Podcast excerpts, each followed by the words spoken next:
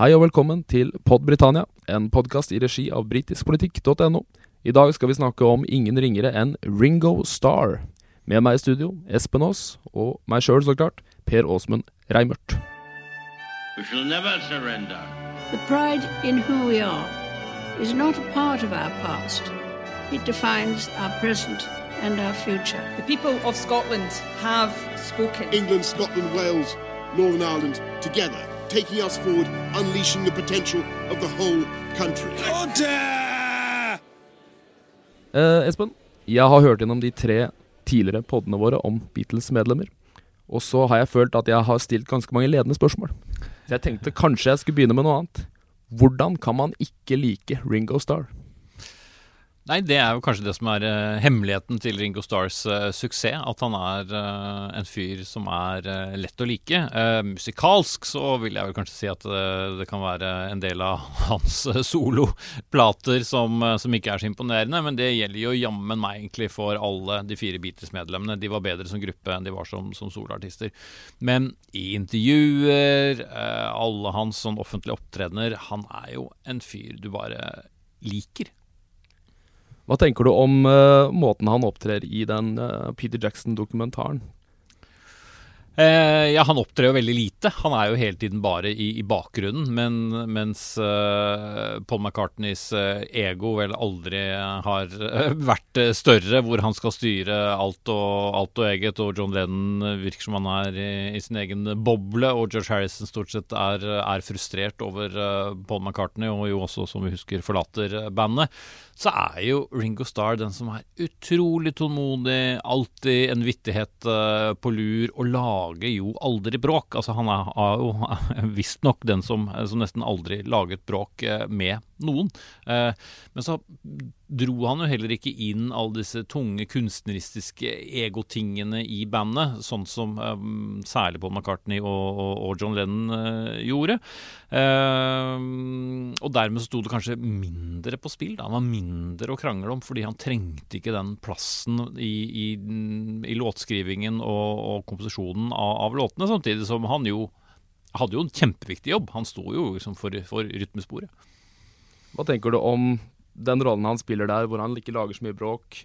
De andre holder på med låtskrivende, vil kjempe for å få låtene sine fram. Tror du han var helt essensiell for å holde bandet sammen? Så var det de ledende spørsmålene nå. Eh, jo, men absolutt. Altså, jeg tror hvis du hadde hatt en fjerdemann eh, som var like opptatt av eh, å si imot, skulle ha igjennom sine ting, ignorere det andre sa, altså hadde du hatt en, eh, en halv Paul McCartney til, eller en halv frustrert eh, George Harrison til, eh, så hadde jo mest sannsynlig dette ikke gått.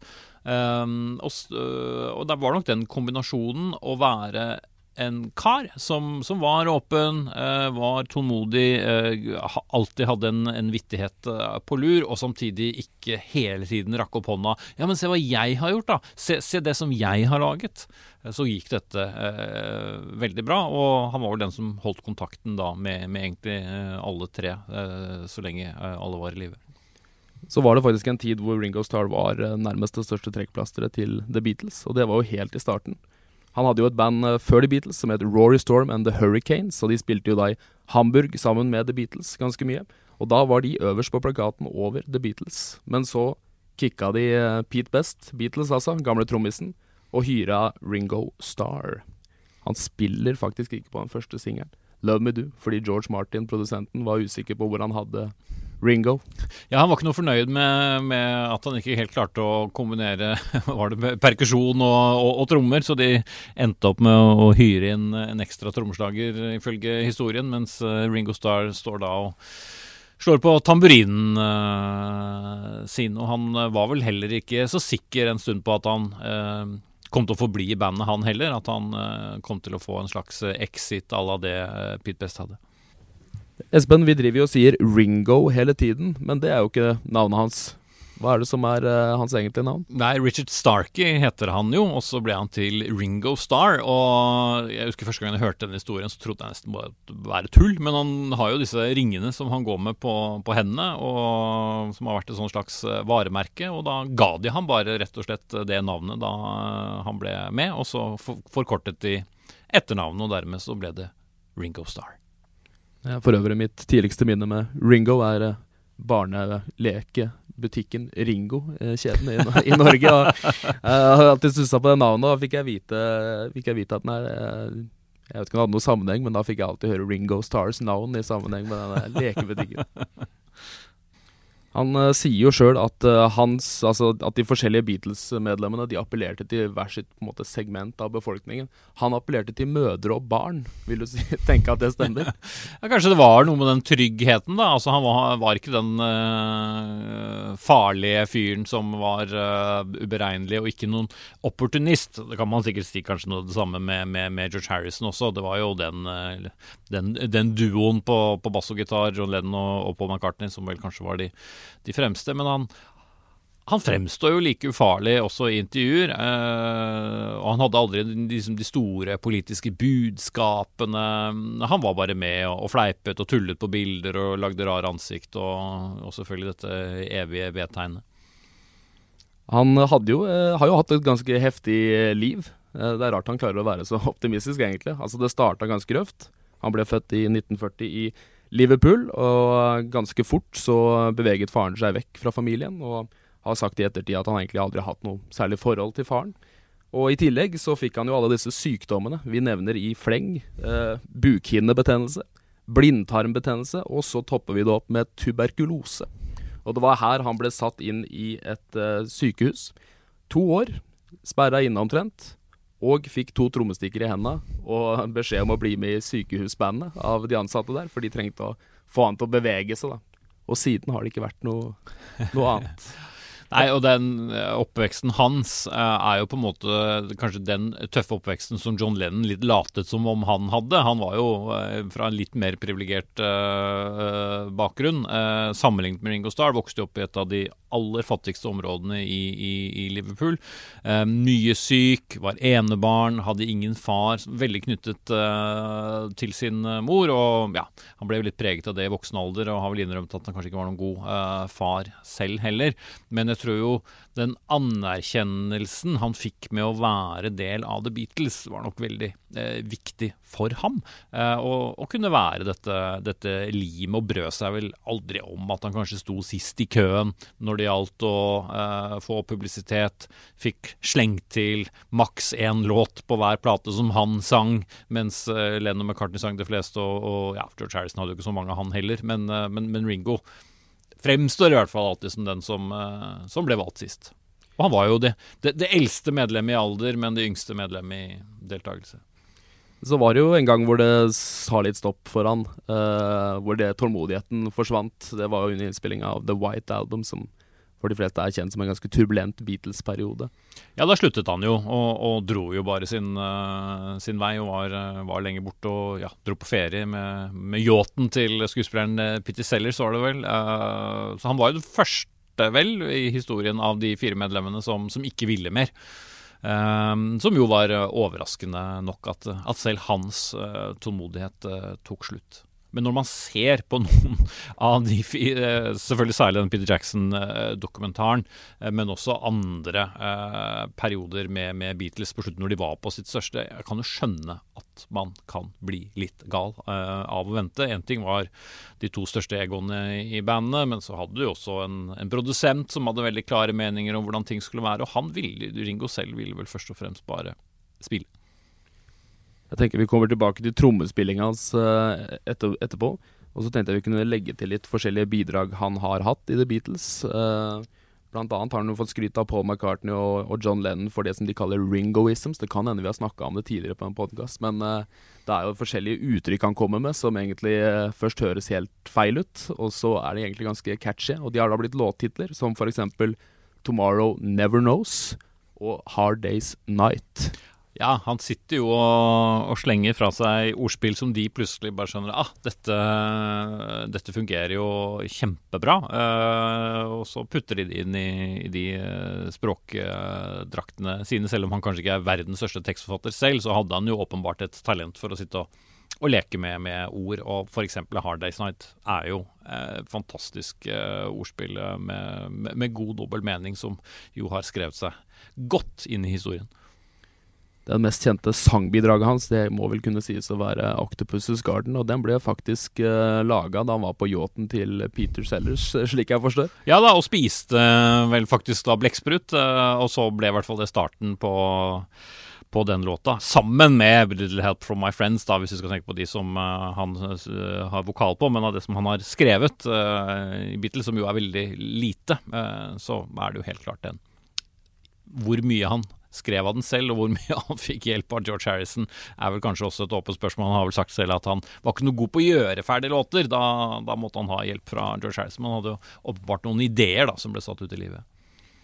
Vi kan jo snakke litt om eh, litt hjelp fra vennene hans. I uh, solokarrieren til Ringo Starr så kommer han i 1973 ut med albumet Ringo. Det er et av hans mest suksessfulle eh, album, og der får han jo litt hjelp fra alle tre av medlemmene, egentlig. Som jo var ganske spesielt. Tenk på at John Lennon og Paul McCartney drev og sendte hverandre sånn sure beskjeder gjennom tekstene til hverandre som handlet om gammelt eh, agg. Så klarer jo da Ringo å få med seg alle tre medlemmene.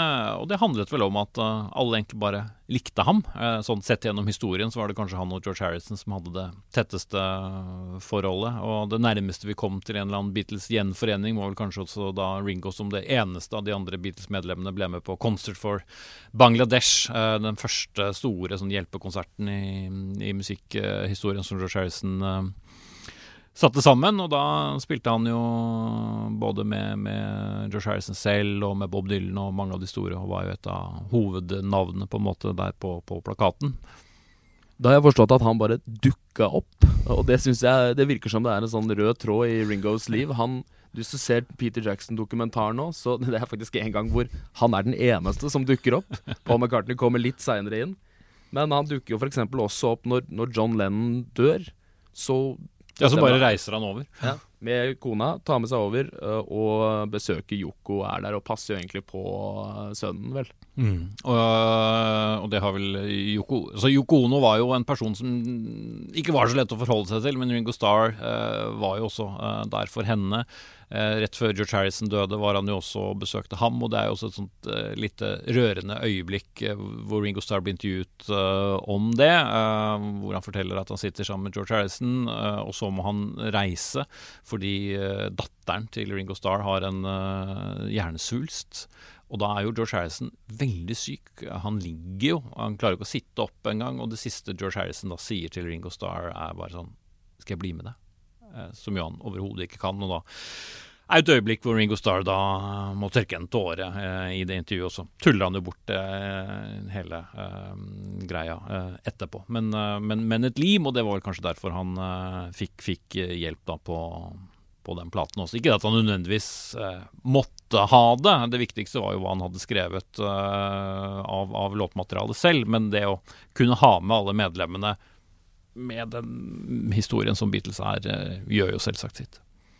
Det er jo faktisk George Harrison som, som da skriver egentlig de to største hitene hans omtrent, 'Photograph' og 'It Don't Come Easy'.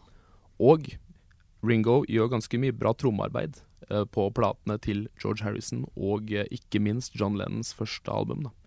All Things Must Pass og George Harrison, der er det vel også ganske mye bruk av eh, Jim eh, Trommisen Jim Kettler? Eller Keltner. Keltner ja. Men Ringo spiller litt. Men Ringo spiller altså på hele førsteplata til John Lennon, og da har han jo sjøl sagt at det er noe av det mest sånn det han er mest stolt av, omtrent, eh, av hva han har gjort. Mm.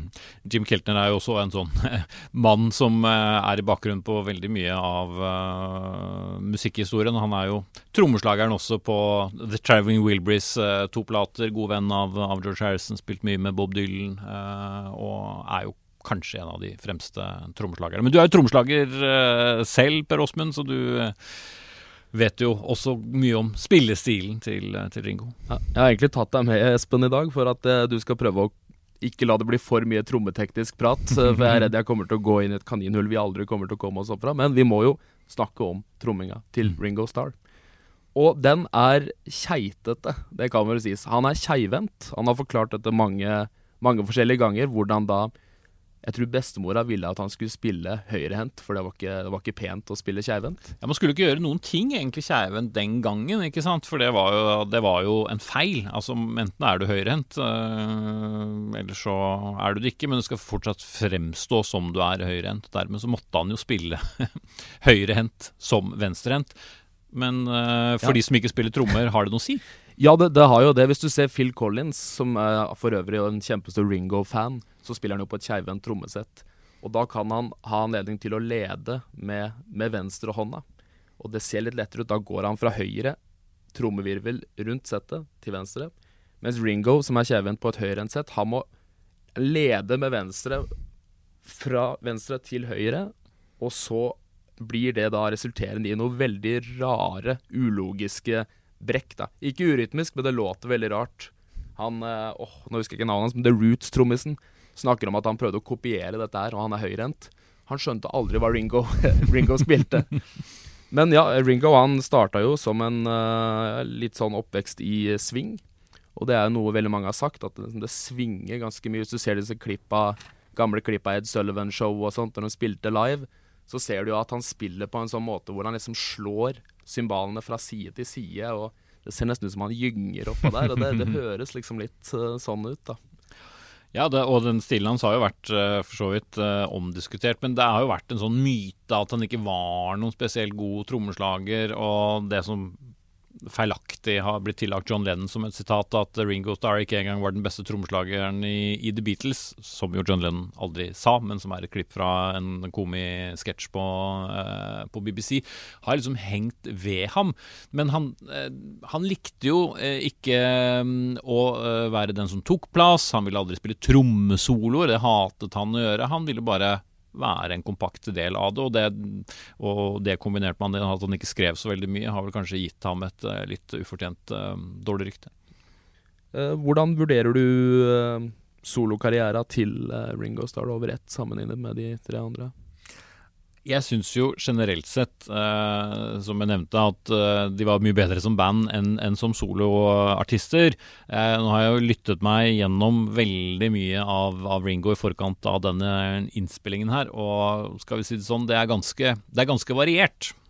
Det er, eh, det, er jo, det er jo noen flotte låter, som vi har nevnt. Uh, It Don't Come Easy, selv om Harrison uh, kanskje var den som snekra den beste uh, mulig sammen. I'm The Greatest er jo veldig, veldig morsom. Uh, Beak Ups of Blues, uh, Back Off Bangaloo.